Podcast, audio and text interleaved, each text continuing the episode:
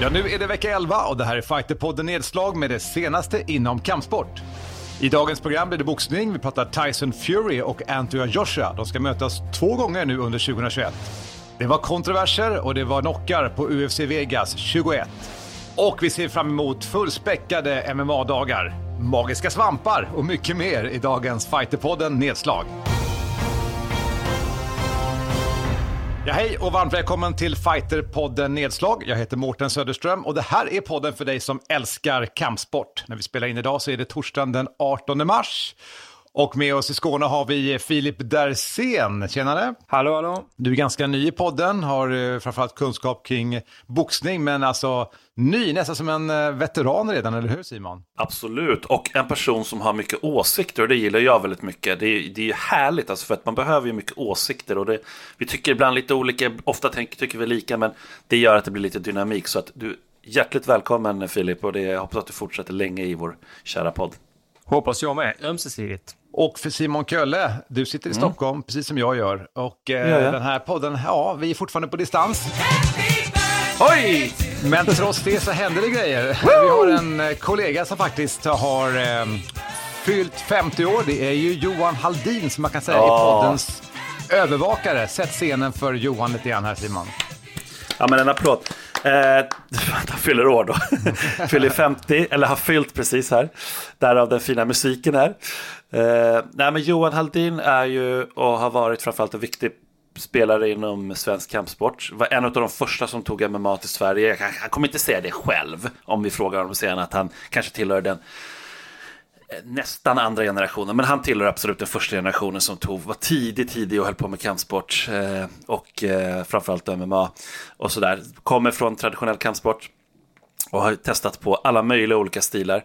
Eh, driver sedan eh, länge tillbaka eh, kanske en, en av Sveriges snällaste och vänligaste eh, gym eller kampsportscenter som heter eh, MMA.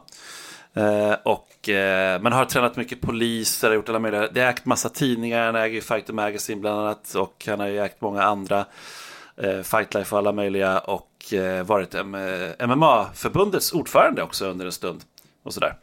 Så att, äh, han har gjort väldigt mycket. Han har, varit, han har också designat väldigt mycket. Han har ju vunnit väldigt många designpriser. Så han har gjort väldigt många loggor. IMAF-loggan till exempel och sådana där grejer som kanske inte alla känner till. Men han är grym designer. Har vunnit massa stora priser och sådär. Mm. Så att, äh, ja, en stor insats har han gjort. Och kommer fortsätta att göra. Han är med också ibland som sagt i podden Johan, men eh, stort grattis till honom. Stort grattis. Ska vi ta och kasta oss in i eh, dagens podd? Vi mm. eh, börjar tycker jag med boxning och Filip, vi har ju eh, det är ju Tyson Fury och Anthony Joshua som ska mötas två gånger nu under 2021. Vill du berätta lite grann om både Tyson Fury och eh, Anthony Joshua, varför det här är så spännande? Ja, vi kan ju börja med att säga det att eh, Eddie Hearn, eh, som är Anthony Joshuas promotor, han har gått ut och sagt att det är klart nu. Båda två har skrivit på, men Tyson Fury menar på det att han har skrivit på ett kontrakt, men det är ett kontrakt som ändå det finns lite, eh, vad ska man säga, klausuler så att han kan ta sig ur kontraktet om de inte hittar eh, en venue, alltså en arena och plats för just matchen. Men om man ska säga just Tyson Fury och Anthony Joshua, varför den kan bli en av ja, tungviktstidernas största matcher. Det är ju för att eh, de är egentligen lika gamla, det är väl ett år som skiljer dem. Eh, Anthony Joshua, han började rätt sent, 18-19 år säger de. Eh, kom in i gymmet, men sen blev han väldigt snabbt mästare, OS-mästare på hemmaplan i London 2012. Så han tog den långa vägen och gick amatörbanan. Medan då Tyson Fury, eh, den släkten Fury, det är ju liksom, de har ju mm. en generation av fighters ända tillbaka till liksom 1800-talet. Alla visste vem Furys var, de kunde slåss. Eh, och han har ju då gått eh, direkt in till proffsringen efter att han varit amatör och har förmodligen gått fler ronder utanför liksom reglementet än man gjort innanför. för det är ju så, Anthony Joshua är ju en riktig superstjärna i Storbritannien. Och har ju en grym kropp, folk tycker han ser bra ut, han säljer ut arenor. Eh, men det har också Tyson Fury börjat göra.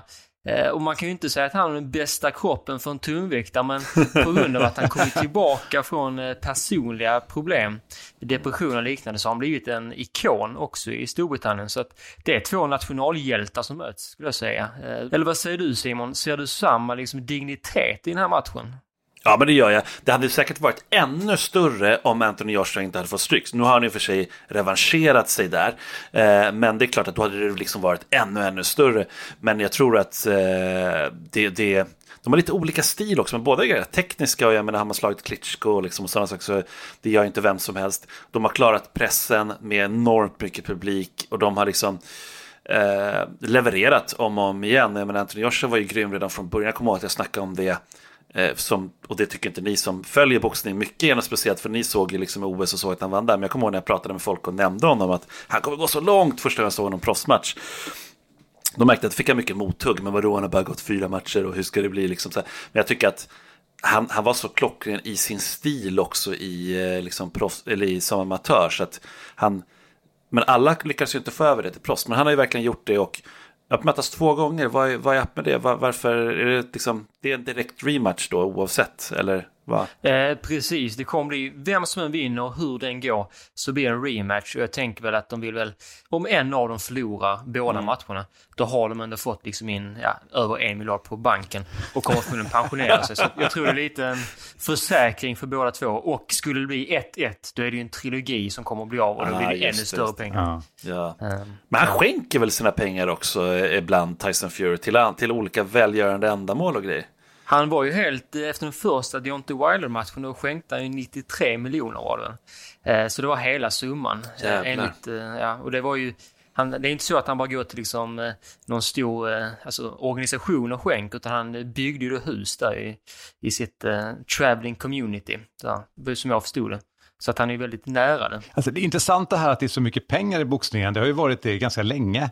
Uh, jag tänker nu med MMA som har hållit på i 25 år. Nu, nu har ju vi kommit upp till nivån, men det är ju egentligen, jag tänker McGregor-matchen mot uh, Mayweather, där var det mycket pengar, det var tvungen att gå över till boxning för att det skulle bli pengar, men såklart att det finns ju mer pengar nu såklart inom MMA, men det är fortfarande dominerande att det är så mycket pengar inom boxningen. Alltså, jag tänker så här, hur får de ihop det?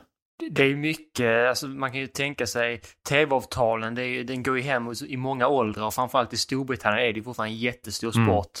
Mm. Eh, MMA är väl mer vid den yngre publiken, Just tänker jag. Men sen också får man säga att de har andra personligheter skulle jag säga i boxningen.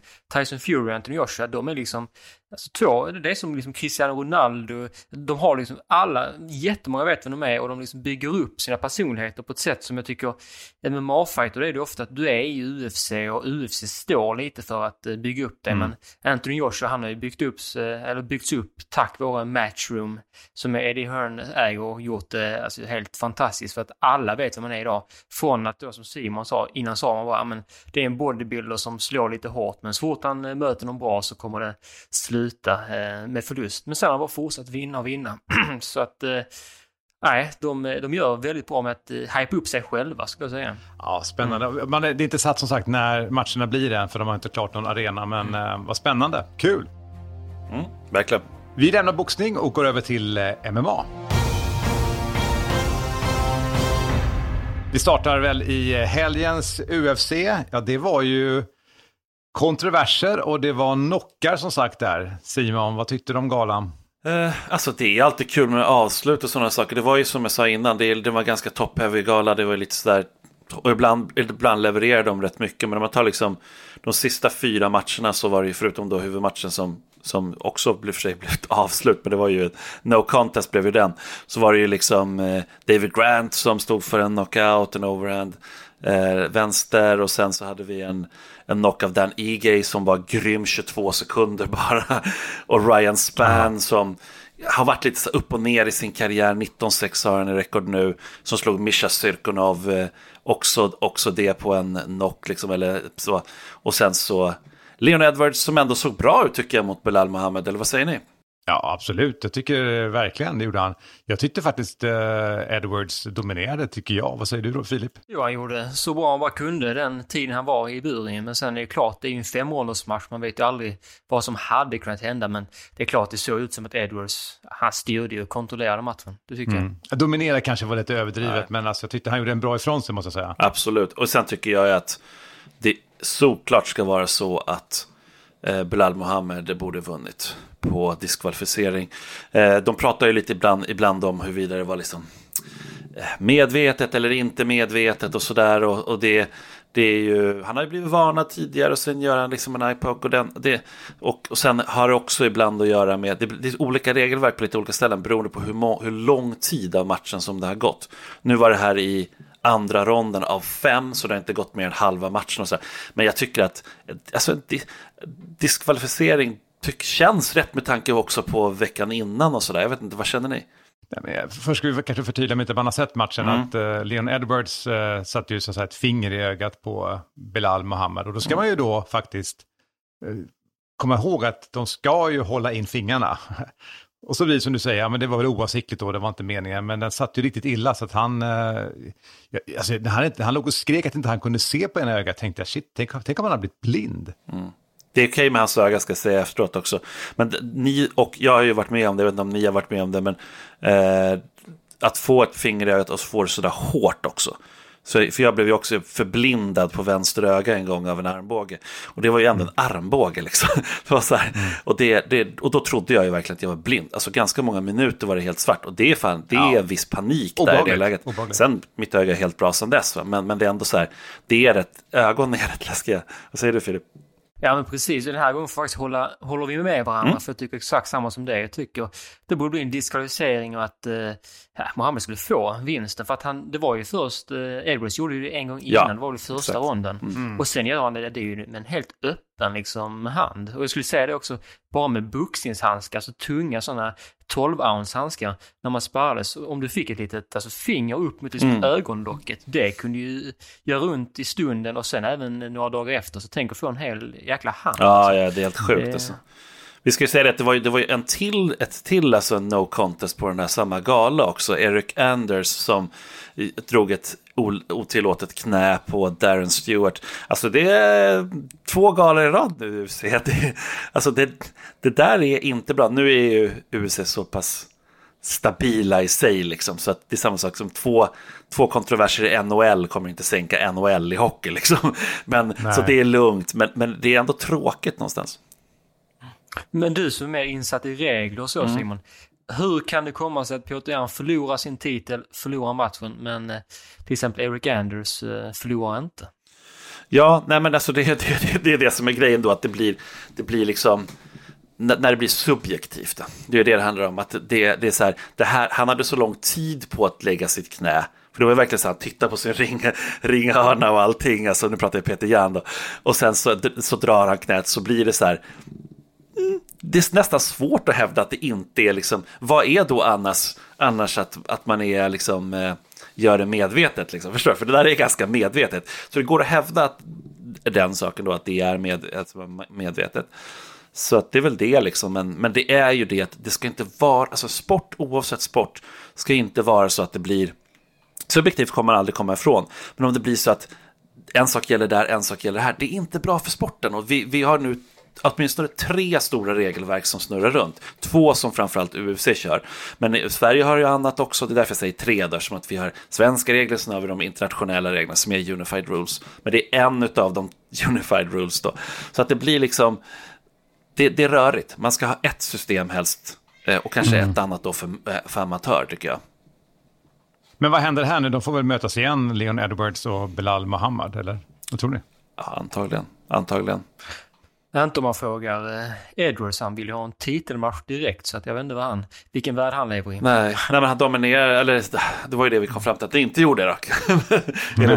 Martin, men han eh, styrde ju ändå matchen så det är väl mer det och det man kunde se ändå ta med sig där, kan vi släppa det här sen kanske, det, och det var väl det att Leon Edwards ändå kunde stå emot en väldigt, för Belal Remember the name Mohammed är ju en väldigt bra, stabil också brottare som, så att eh, det var ju vissa som sa så här, okej, okay, Hamzat, de börjar se det lite annorlunda nu om att Leon Edwards faktiskt skulle kunna stoppa Hamzat, men Belal, nej jag vet inte, det är en annan fighter än Hamzat, de är olika. Mm. Men vi lämnar den galan nu och så går vi fram till helgens kommande gala där eh, huvudkortet är ju Derek Bronson som ska möta Kevin Holland. Det är en gala som jag ser fram emot. Det är många, tycker jag, bra matcher på det kortet. Eh, vad tycker du Simon om galan? Ja, men jag tycker också den, den är jättebra. Alltså det, eller, i alla fall den matchen är jättebra. Det finns ju lite andra matcher under som också är intressanta. Men, Men det är, alltså Derek Brunson han har ju 21-7 rekord, tre segrar kommer han ifrån. Möter Kevin Holland som har 21-5 rekord och har fem raka segrar och gjorde ju ett sånt jäkla bra förra året. Alltså. 2020, jag menar han, han verkligen krossade och jag menar i sin sista match som han gick där, där han möter Jacare och slår honom när han i när, när han är i jackar, eller så här, han har ju guard, dragit gard på honom då, eller dragit och dragit, han har hamnat liksom. Eh, och Lires sätter sig upp och slår. Det, vi var ju helt imponerade, Mårten, kommer du ihåg den matchen? Ja, absolut. Ja, och bara knockar Jacare liksom, som ingen annan har gjort. Så den, den matchen är ju förstås jätteviktig liksom, och Kevin Holland är kaxig nu. Han vill ju verkligen liksom snack, han har snackat på presskonferensen att eh, Israel Adesanya är ingenting och liksom han, han är en fake champ och allt möjligt. Och, eh, eller inte en sann champ om vi ska vara korrekta. Vi har en annan intressant match på den galan och det är ju Gregor Gillespie som är 13-1 rekord. Så han kommer från en förlust faktiskt. Men som möter Brad Riddell 9-1 rekord som har sex raka segrar. Så det, det ser ut som en smällkaramell. Eh, men ser du fram emot de här Filip eller någon annan match på galan? Ja men just det, Gillespie kollade jag en del på innan och mm. tyckte att han var riktigt bra, bra brottare men han åkte på en tuff, tuff förlust mot Kevin Lee. Det var väl inte, var väl ett år sedan någonting sånt där. Mm. Så att, eh, ja, det ska bli roligt att se honom igen och det blir lite sista chansen nu för en ny winstreak så att eh, det är ju en eh, tuff viktklass han är och han är, då, han är 34 år gammal så att nej, det är väl dags nu. Men sen framförallt den Brunson Holland, det känns mm. ju som en match kanske till och med kan vara av intresse för Jokern, Jack Hermansson, vinnaren där. Ta en, ta en rematch liksom, ja, det skulle, om, ja. det, om det blir så. Ja, precis. Och så Holland och honom, det vore ju spännande att se faktiskt. Men, mm. ja. Så att jag tror det kan bli en sådan match. Men annars så Holland där, UFC hoppas väl att han fortsätter segla upp och dominera för att han kan nog bli en riktig stjärna i så fall. Verkligen, verkligen. Som sagt då i helgen UFC Fight Night med Brunson vs Holland. Vi ska prata mer MMA.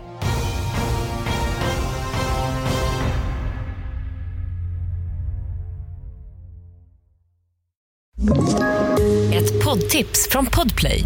I fallen jag aldrig glömmer djupdyker Hasse Aro i arbetet bakom några av Sveriges mest uppseendeväckande brottsutredningar går vi in med hemlig telefonavlyssning och, och då upplever vi att vi får en total förändring av hans beteende. Vad är det som händer nu? Vem är det som läcker? Och så säger han att jag är kriminell, jag har varit kriminell i hela mitt liv men att mörda ett barn, där går min gräns. Nya säsongen av Fallen jag aldrig glömmer på Podplay. Ja, vi i Fighterpodden Nedslag, vi ser fram också mot fullspäckade MMA dagar och events här under 2021. Ska vi beta av lite grann vad som håller på att hända, Simon? Alltså just nu, nu spelas det här in torsdag ska vi säga. Så just idag när det här spelas in, då, så det har ju gått då när ni lyssnar på det här, så är det ju flera gal galor som rullar. Vi har ju de här vi, som vi har pratat om förut, vi har tre stycken Cage Warriors-galor idag då när det här spelas in, vi har fredag och på lördagen. Och där kommer vi få se Rosten Wackman. Men, men innan det så har vi ju, om vi titta lite på de svenska då, för det är rätt roligt. Eh, för vi har ju flera svenskar som går match nu. Vi har Ali Taleb, 2-0 i record han, som proffs. Eh, vann ju senast på Fight Club Rush på en triangel. Han kommer möta Nevraz Abzak eh, som har 7-3 rekord på UAE Warriors. Som också 22 galor just nu. Så det är de 22 galor, Cage Warriors 23 galor.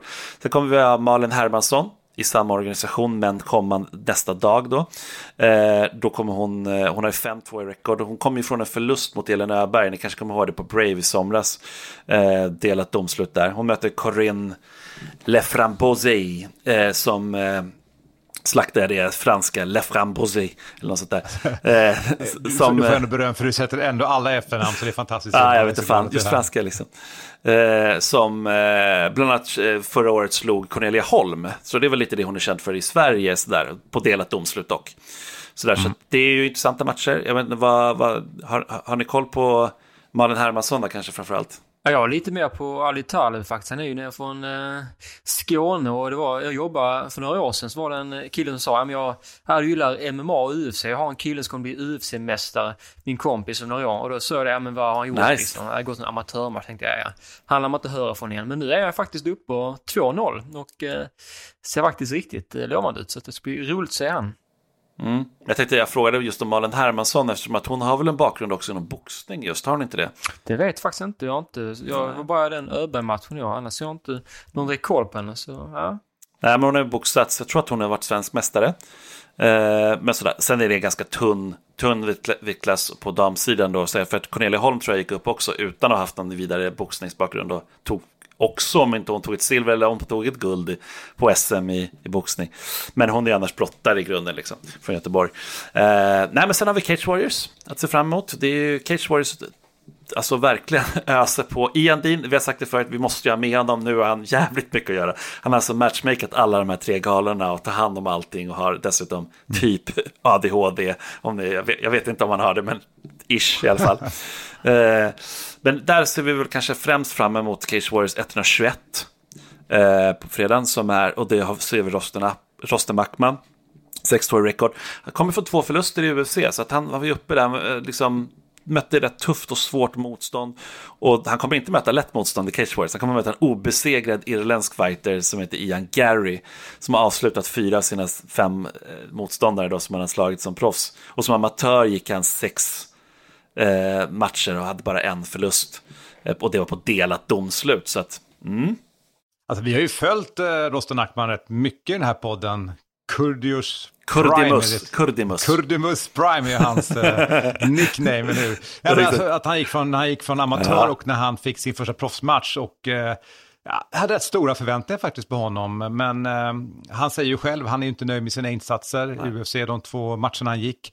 Eh, första tyckte han liksom inte alls, andra så var det som inte han hade den här gnistan. Jag vet att vi pratade med honom också efter och mm, intervjuade mm, honom och han sa samma sak, att liksom, han fick inte den. Det var säkert mycket nervositet. Uh, så att nu är det ju liksom, igen för honom. Jag undrar var han, var han är någonstans mentalt nu. För nu går han in i en ny organisation, mm. det är Cage Warriors. Uh, jag tänker alla som kämpar för att komma till UFC, du får två matcher det gick inte vägen. Det där är tufft att bära mentalt. Vad tänker du Filip? Man kan ju också säga att han går in med lite kniven mot strupen för han går in i en semifinal i välterviktsturneringen mm. i en, ny, en nyskapad turnering de har. Och vad jag har förstått det som så har han fått eh, enmatchkontrakt, liksom att om man går vidare så fortsätter han fightas. Annars mm. är det inte klart att han fortsätter fightas. Eh, eh så jag skrev faktiskt en text på eh, fightermag.se nu i, släpptes i morse tror jag om just han och Tobias Harila. Tobias Harila går ju på lördag. Då mm. att de går in med helt olika premisser i det här att eh, Ackman har ju varit i UFC, vill tillbaka, vilket är jättesvårt att, att göra medan Harila liksom är talangen som nu vill in mm. på för första gången. Så att eh, det blir skoj att se båda två. De svenska fighterna.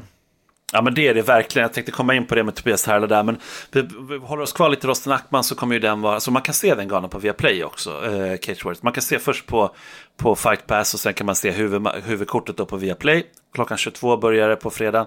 Och det är ju, han är första matchen på eh, huvudkortet så att man kan snabbt se rösterna. På lördagen då, då är det mycket riktigt som du säger Filip, då får man se Tobias Harrell 8-1 i record som heter Aidan Steven som har 8-3 i record som eh, aldrig faktiskt har blivit avslutad stående. Och Tobias Harrell är en som gärna vill avsluta folk stående. Eh, så det, det blir spännande av den anledningen om inte annat. Och det är den andra matchen på lördagens huvudkort som också visas på Viaplay. Så att eh, jag säger så här, alltså Viaplay ligger bra till just nu för MMA-fans ja. tror jag den här helgen. Med tanke mm. på att man kan kolla liksom jäkla massa, massa galor. För det, alltså, det där är ju svenskarna som går. Men eh, mm. vi kan gå in snabbt på lite annat också som också rullar nu. Men alltså, Martin, Tobias Harrila, hur långt kan han gå enligt dig? Ja, alltså jag tror att han kan gå väldigt långt. Uh, han har ju framförallt det som jag tror är en extremt viktig faktor, det är mm. självförtroendet. Mm. Uh, det måste man ju säga. Och sen i Sverige är han ju lite småkänd. Jag tänker hans beef med Adam Westlund mm. som vi har hypat mycket. Ja. Uh, och uh, det där tror jag, det stod till mig vet, i Aftonbladet om det. De har ja. följt det där lite grann. Så att, han har hungern, han vill och som du sa förut där Filip, han siktar mot UFC, har inte varit där, så han har ju allt att vinna. Verkligen, verkligen. Eh, men andra galor, det finns ju också annat, jag ska bara nämna det jättesnabbt nu då. Och det är på fredag, nu när det här släpps på fredag. Så att då har vi Fist of Fury 3, One Championship som eh, kommer gå i Singapore. Det är en gratisgala faktiskt, som man kan se på YouTube från 13.30. Och det är lite kul, så att man kan börja sin liksom MMA-helg där om man nu kan se på, på någonting på fredagar 13.30. Vissa jobbar ju och så vidare. Eh, uh, UAE Warriors 18 också på, på fredag, som går i Abu Dhabi. Det är där vi då får se Malin Hermansson eh, som är match nummer sju på det kortet. Det är också sänds gratis. De har en egen app, eh, UAE Warriors, och den vid, vid 15 ungefär kan man se den. Sen har vi Cage Warriors 121 då också på fredagen där man kan se Rosten Mackman. Eh, och det är ju då som vi sa klockan 22 på Viaplay. På lördagen då är det KSV om man vill följa det. Alltså en av Europas absolut största galor, KSV, eller KSW då, 59. Som är ett så här supertungviktsmöte som de kommer ha där. Det är den här lite eh, strongman-killen Marius eh, Pudzian Pudzianowski som 13-7 han i record så kommer möta en sengalesisk brottare som tydligen ska vara liksom ett odjur. Det här är supertung vikt så det är över 265 pounds. Den går i Polen och den kan via Fight TV kan man se den då eh, som pay-per-view. Den startar 19. Sen har vi Cage Warriors 122 som kommer gå också då som man också kan följa på som sagt på Viaplay. LFA 102, alltså ni fattar, det är helt sjukt det här. Som sänds på UFC Fight Pass, börjar klockan två på natten. Också en intressant gala. Och sen har vi UFC då, UFC Vegas 22 som vi har redan pratat om. Va, vad händer? Varför svetsar alla på... Alltså kollar man inte varandras scheman eller alltså vad är detta? det, det, är otroligt ändå, alltså, det, det är en omöjligt att kunna se allt det här, men ja. Ja, vilken grej ändå. Jag är lite inne på det här också, att, att Cage Warriors då kör tre galor, eh, som ja. du säger mm. nu. Mm. Hmm. Ja, men det, det, det alltså, hur, varför och hur, och det, det kanske skapar ja, Varför händer det nu? Det är nog det, det som är Det är mer det, varför händer det nu liksom? Och all, varför samlas allting i samma helg? För det är faktiskt inte slutat. Rising som vi hör ganska lite om nu för tiden, Ryzen FF, de kör sin 27 gala i Japan och den kan man se på söndagen. Eh, det är pay-per-view och deras, man får gå in på deras hemsida, Ryzens hemsida, så kan man tjacka den där. Eh, men alltså, vad säger du Filip, vad är din analys? Är det bara slump att det sker nu eller vad, vad, vad händer? Är det inte att eh, de försöker, alltså, kanske, jag vet inte, jag är ingen epidemiolog, men jag vet inte om smittsiffror kanske det börjar kanske klarna på vissa ställen och de verkligen alltså försöker. De kan ha legat nu på latsidan ett och, ett och ett halvt år men de kan ju inte vänta hur länge som helst. De måste ju in i intäkter så det är väl inte en pengafråga. Och de har sett att det har funkat eh, med Fight Island och även att Cage Warriors har gjort det lite tidigare. Så det är nog bara att folk vill eh, ta liksom möjligheten om det nu finns en. Ja, men det, det, kan verkligen vara så. Jag tänker att du, du nämnde här med liksom viruset och allt det har ju varit eh, Jorge Masvidal ska vi nämna har fått en vi kommer att prata om den för längre fram. Han har fått en ny chans på bältet, kommer möta Kamaru Usman 24 april. Den galan ska de ju faktiskt köra med publik. 24 april. Det är ganska modigt, eller vad säger du Mårten? Det är i Florida. Det är... I Florida. Och UBC vill vara först ute med att köra med stor publik. Liksom. Så det ska vara, det ska vara ös. Alltså, de, de säger att det ska vara helt en full arena. Liksom. Alltså, nu är man nästan inne på det här. Det har ju varit ett år nu där du hör allting. Du ja. hör allt, det är helt tyst. Alltså, nu har man ju ibland att de liksom klappar någon, någon coach och sådär, men det är otroligt vilken närvaro det har varit och också tappar ju såklart energi när hela ingången och allt det här inte har den mm, energin. Ja, så jag ser verkligen fram emot att det, ska, att det ska lyfta igen så att det blir den här hypen. Inte minst för de som är fighters, ska jag säga, för det måste vara Alltså det är lite grann, jag tänker på, jag vet om du ska sjunga inför en jury så står det tre personer. Det är, liksom, det, det är lite så de fightas också nu, det sitter så få människor runt omkring. Verkligen, verkligen. Ja, men det är spännande. Det händer ju, alltså det, det är MMA som verkligen har ägt och en del boxning under det här året. Det måste vi ändå konstatera nu, för nu är det lite sådär års, eh, det är inte, vi kan absolut inte kalla det jubileum, men det är någon sorts årsdag eller nu här i de här dagarna. Eh, med covid, när det i alla fall slog i västvärlden om man säger så, eller kom hit.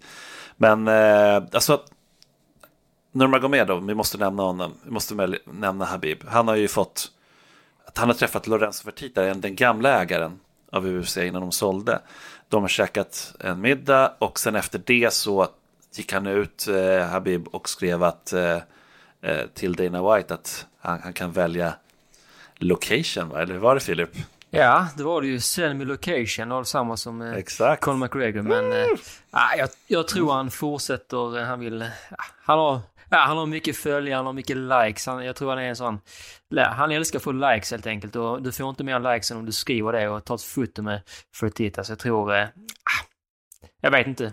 Ja, fast det är han. Vad tror du Mårten? Vad tror du? Jag tror att han vill ha pengar, jag tror att han gör det helt rätt. Men du vet, du kan hypa det här ett år och när den väl kommer, den matchen, om du nu mot McGregor då, så, så tror jag att då kommer du komma upp i sådana nivåer så att det blir riktigt mycket pengar. Ja. Jag tror att i grunden är så att det här är ändå hans yrke.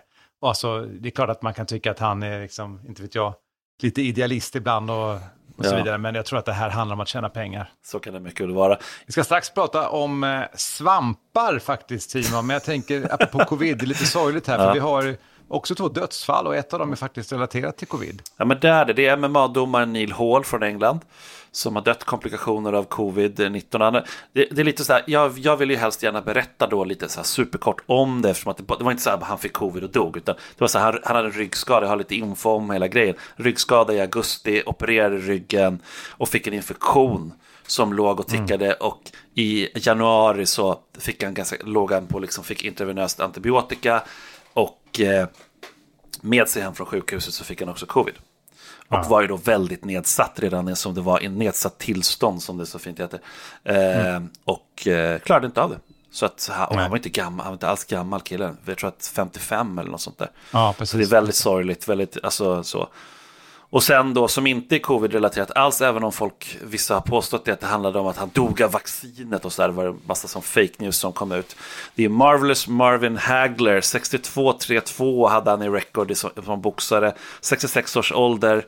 Alltså Filip, det här måste du take it away lite grann, för här snackar vi om, alltså en av de absolut största. Mm, det kom som en liten chock då, de som såg Cecilia Bräckhus, hon eh, norskan, hon boxade som VM-titlarna i Dallas var det.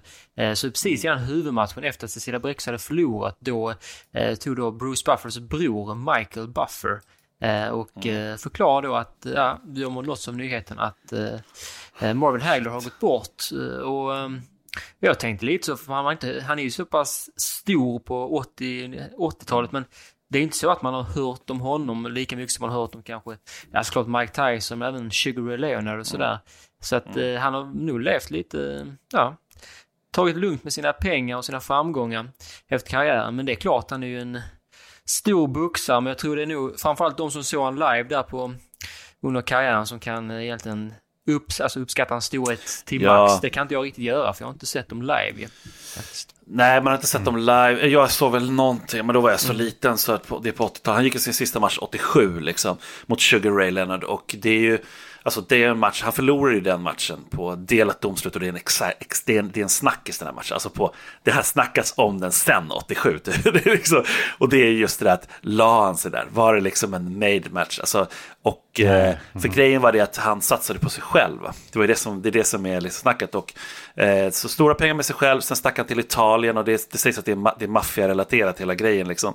Eh, och, så det har varit snack ända sedan dess. Och sen blev han faktiskt filmstjärna. Han, han åkte ju till Italien och, och jobbade som skådis. Och det var många gånger snack om en rematch mot Sugar Ray och sådär, men det, det blev aldrig av. De hade någon uppvisningsmatch bara någon gång, om jag inte minns fel, på 90-talet. Annars möttes de aldrig. Men alltså, fatta, han var obesegrad 13 år och då mötte han de absolut bästa i hela världen i, i liksom mellanvikt. Han var ju fantastisk boxare. 62-3-2, alltså det är... När han var i sin prime, då säger Mike Tyson bland annat det att det är liksom... Vi pratar topp tre, de bästa genom tiderna. Mm, ja, många säger att han är den bästa mellanviktaren med tiderna. Och sen, jag såg faktiskt eh, hans match mot eh, Duran igår på YouTube, eller, eller var det ah, Zone kanske? Men jag såg den i alla fall. Så den lär ju finnas på YouTube också, så att eh, då lär man, borde man kolla den, för den var faktiskt eh, en grym match.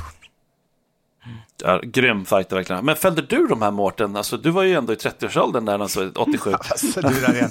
Eh, jag minns faktiskt den matchen med, mot Sugar Ray Ja. eh, och att han förlorade. Och eh, nu när du säger det så får jag en sån här recap. Det stämmer ju att det var massa rykten om att, han, att han hade lagt sig och att det var maffia och sådär. Men det som du säger, vad sa du, 87, du vet, eh, I'm sorry, det, det är ganska länge sedan. Det är lite Så att, lite eh, så. Och vi kanske inte, det blir lite synd att man pratar egentligen om det när han har dött sådär. Men Rest in Peace får vi säga till både Neil Hall och eh, Marvelous Marvin Hagler. Och jag var inte 30 då, utan jag var typ knappt 20, men tack ändå säger man. Ska strax stänga dagens Fighterpodden nedslag, men vi har någonting mer. Det handlar om svampar, Simon. Vad är det här? Ja, man kan nästan tro att det är ett skämt. Alltså magiska svampar. Men alltså dels så de, har de ju lite annan syn i USA generellt liksom, på droger och sådär. Och det är liksom inte minst marijuana och sådär då. Eh, men magiska svampar, alltså det eller psilocybin, eh, liksom. Eh, är ju ganska omtalat alltså för att hjälpa fighters och sådär. Det, har, det, det började väl på en nivå där det var kanske bara mest snack. Och att, alltså, nu pratar vi på, på ett vetenskapligt sätt, inte som att liksom, rekreation då tar det för liksom, något annat, något spirituellt eller så. Utan mer så här för att återhämta sig och eh, det anses ju inte vara doping, va? men det finns massa fighters, bland annat Ian McCall bland annat, som var UFC-fighter förut, flugvikten. Flugvikt också, lite roligt flug som ja, Roligt, han, lite såhär Göteborgs ja. Men han, han, han eh, var ju, har varit en stor liksom, förespråkare för det, men även en, en bunt andra fighters. Och, eh, så det där har gått liksom vidare nu, att det kan också vara bra för om du har fått mycket slag mot huvudet och vid hjärnskador och sådana saker, att det liksom kan, kan hjälpa till med återhämtningen där och att och vissa säger att det är vissa fighter, alltså, fighter efter fighter efter fighter har börjat kliva upp. Så att Dana White har plockat upp det där också och satt sina liksom doktorer och så på det. Så att John Hopkins som är, det är världens mest framträdande sjukhus, de har vunnit det priset i liksom, eh, alla år i stort sett de senaste 20 åren. De, eh, de har satt faktiskt en, de har ju en avdelning som forskar på det här och de har satt liksom att forska på boxning och på MMA eh, och användandet av liksom magiska svampar. Inte när man tränar eller går match utan för återhämtning och för just så här hjärnskador och svullnader i hjärnan. Och men alltså är det här, det här klassiska så här, är det någon hallucinogena? Ja, det är hallucinogent. Det är hallucinogent. Men sen kan man ta det i mikrodoser och sådana saker också. Så att det, mm -hmm. det är mycket sådär. Och det finns ju i nätverket för psykedelisk vetenskap finns i Sverige bland annat som också håller på. Det låter ju jätteflummigt och sådär, men de håller ju på faktiskt. Det, nu pratar vi alltså forskare, psykologer, psykiatriker mm. och sådär som tittar på, kan man använda det här i typ terapi och så? För det, det är det som vissa fighters säger, att de var deprimerade eh, av det här fighting-livet och så och sen har kunnat ta det här för att kunna liksom hjälpa dem. I don't know, det är långt kvar innan det kommer bli vedertaget. Men det testas ganska mycket olika grejer. Vad säger du Filip? När du hör det här? Ah, svampar, jag vet inte. Man får ju bara flashbacks av filmer och så man har sett. Eh, men ja, det är klart, kan det hjälpa så är det ju fantastiskt. Men jag hade inte vara försökskanin om jag säger så. Mårten har redan alltså, varit i det 60-talet liksom. Det, ja. ja. men, nej, man har ju varit i Thailand. Nej, jag tänkte bara säga att, att, ja, men det är klart att, att eh, jag tänker, det är klart om du följer Joe Rogan, som, förutom att han är en ambassadör för cannabis, så pratar han just om det här eh, med svampar. Och eh, det är som du säger, det är ju pålästa, intelligenta människor som Nej. berättar om enorma trippar som de tar med svampar och hur de har knäckt liksom, ja, svåra mentala frågor tack vare svampar eh, och mm. tänkt ut saker och så vidare. Och de, alltså forskningen säger att liksom, det är som att det öppnar dörrar i huvudet och så vidare. Mm. Jag tror bara att man, man ska nog göra precis som de gör nu, man ska nog väldigt vetenskapligt ha jävligt bra koll på vad man håller på med, så man inte går hem och sätter sig i ett träd och käkar svamp. Vart hamnar vi i den här podden egentligen? Mac Mackan, vår producent som också klipper det här, alltså ta nu inte ja. svamp när du sitter och klipper, håll dig till whiskyn och klipp, Men jag klipp tänker vidare. så här, hörni, vi, vi släpper den här nu. Vi, vi släpper, vi släpper, det, vi släpper det. Ja, ja. Utan vi ser fram emot en, alltså en galen, i det här fallet då. MMA-helg. Vad sa vi? Verkligen. Cage Warriors, UFC, eh, Vegas 22 såklart, KSV, UAE, Warriors. Warriors. Ja, och så vidare. One Championship. Alltså, spola tillbaka, kolla, lyssna igen alla ja. olika galor. Späckad eh, MMA-helg som börjar redan som sagt på torsdag när den här podden nu produceras. Så att eh, vi ska bara ladda upp och nästa vecka då kommer vi berätta om allt vi har sett. eller hur? Ja, så att jag tackar, highlights, eh, highlights kommer highlights, vi berätta om. Highlights, ja. Ja. Filip Dersén, tack för idag. Tack så mycket. Simon Kölle, tack för idag. Tackar, tackar. Så väl mött om en vecka igen och då är också Elin Blad med oss igen. Hon har varit lite saknad då, eller hur? Även om vi har haft kul så har hon varit lite saknad killar. Absolut. Absolut. Men vi kan klara av den här grejen ändå. Vi tackar för oss och säger... Oss!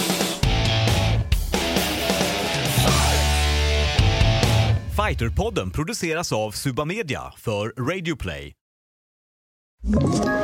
Ett poddtips från Podplay.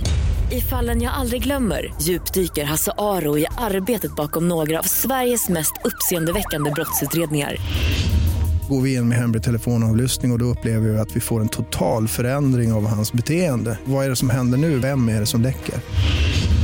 Och så säger han att jag är kriminell, jag har varit kriminell i hela mitt liv men att mörda ett barn, där går min gräns. Nya säsongen av Fallen jag aldrig glömmer på Podplay.